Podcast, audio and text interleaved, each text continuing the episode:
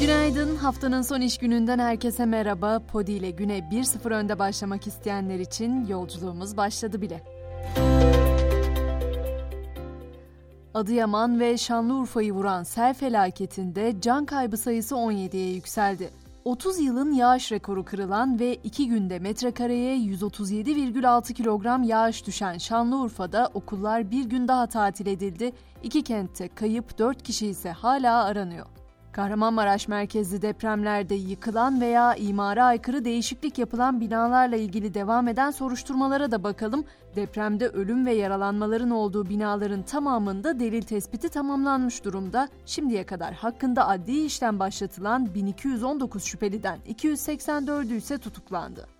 Bu arada deprem bölgesi için asgari ücret düzenlemesi de son aşamada. Çalışma Bakanlığı sigorta priminin devlet tarafından karşılanarak işverenin verdiği payın işçi maaşına eklenmesi için çalışma yapıyor.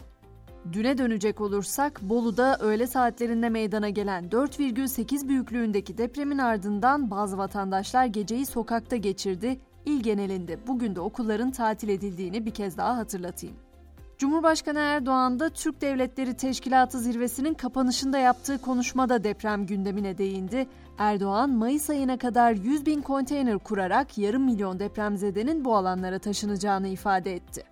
Seçim gündemine geçecek olursak elbette siyaset de oldukça hararetli. Emekçi Hareket Partisi, EMEP, HDP, Sosyalist Meclisler Federasyonu, Türkiye İşçi Partisi ve Toplumsal Özgürlük Partisi seçime Emek ve Özgürlük İttifakı olarak aynı çatı altında girme kararı aldı. Toplantı sonrası yapılan açıklamada ortak tutumumuzu en kısa zamanda açıklayacağız denildi. Beklenen görüşme ise ertelendi. CHP lideri Kılıçdaroğlu'nun yarın HDP'ye yapacağı ziyaret konusunda HDP'den yapılan açıklamada Cumhurbaşkanı adayı Sayın Kemal Kılıçdaroğlu'nun partimize ziyareti program yoğunluğundan dolayı ileri bir tarihe ertelenmiştir ifadelerine yer verildi. Yerli otomobil konusuna da bakalım. TOG'un 953 bin lira başlangıç fiyatıyla satışa sunulacağı açıklanan modeli için sipariş süreci başladı. Ön sipariş sürecinin ardından 28 Mart'ta noter huzurunda dijital çekiliş yapılacak. Yerli otomobile ilk 4 saatte tam 7734 ön sipariş verildi. Günlerdir tartışılan konuda ise Suriye lideri Esad normalleşme için şartını açıkladı. Esad, Cumhurbaşkanı Erdoğan'la görüşmeye hazır olduğunu ancak bunun için Türk askerinin Suriye'nin kuzeyinden çekilmesi gerektiğini söyledi. Dünyadaki yolculuğumuzda sıradaki durağımızsa Yunanistan. Tren kazasının ardından genel greve giden Yunanistan'da kazazedelere verilecek tazminatlar açıklandı.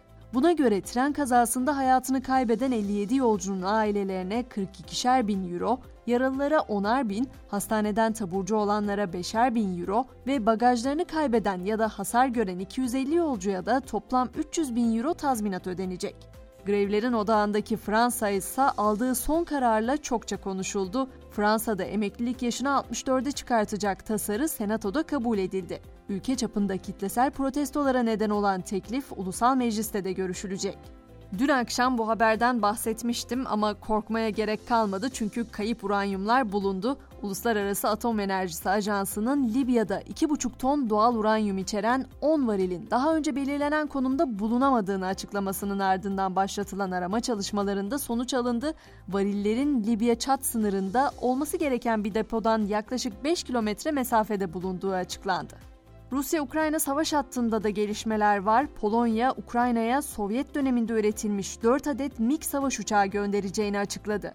Böylece Polonya, Rusya'nın geçen yıl Ukrayna'yı işgal etmesinden sonra bu ülkeye uçak gönderecek ilk NATO ülkesi oldu. Son olaraksa Avrupa'daki TikTok yasağının genişlemesi haberini vereyim. İngiltere'de güvenlik endişeleri nedeniyle bakanlar ve memurların kullandığı telefon ve elektronik cihazlarda TikTok'a yasak getirildi. Artık spor diyelim UEFA Avrupa Ligi son 16 turu rövanşında Fenerbahçe İspanya'nın Sevilla takımını 1-0 yendi ancak yetmedi. İlk maçı 2-0 kaybeden Sarı Lacivertlilerin Avrupa Ligi yolculuğu sona erdi. Avrupa Konferans Ligi son 16 turu rövanşında ise Sivas Spor İtalya temsilcisi Fiorentina'ya 4-1 mağlup oldu. Sivas Spor da bu sonuçla turnuvaya veda etti.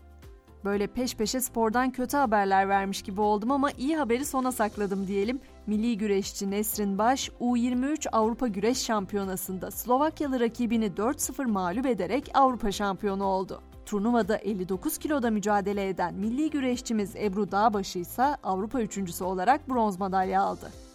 Ve güncelleni noktalarken Portekizli şair ve yazar Fernando Pessoa'dan bırakalım istiyorum bu sabahın duygularımızı özetleyen cümlesini. Ruhum üşüyor. Nasıl iyice örtünürüm bilmiyorum. Ruh üşümesine ne cübbe var ne palto.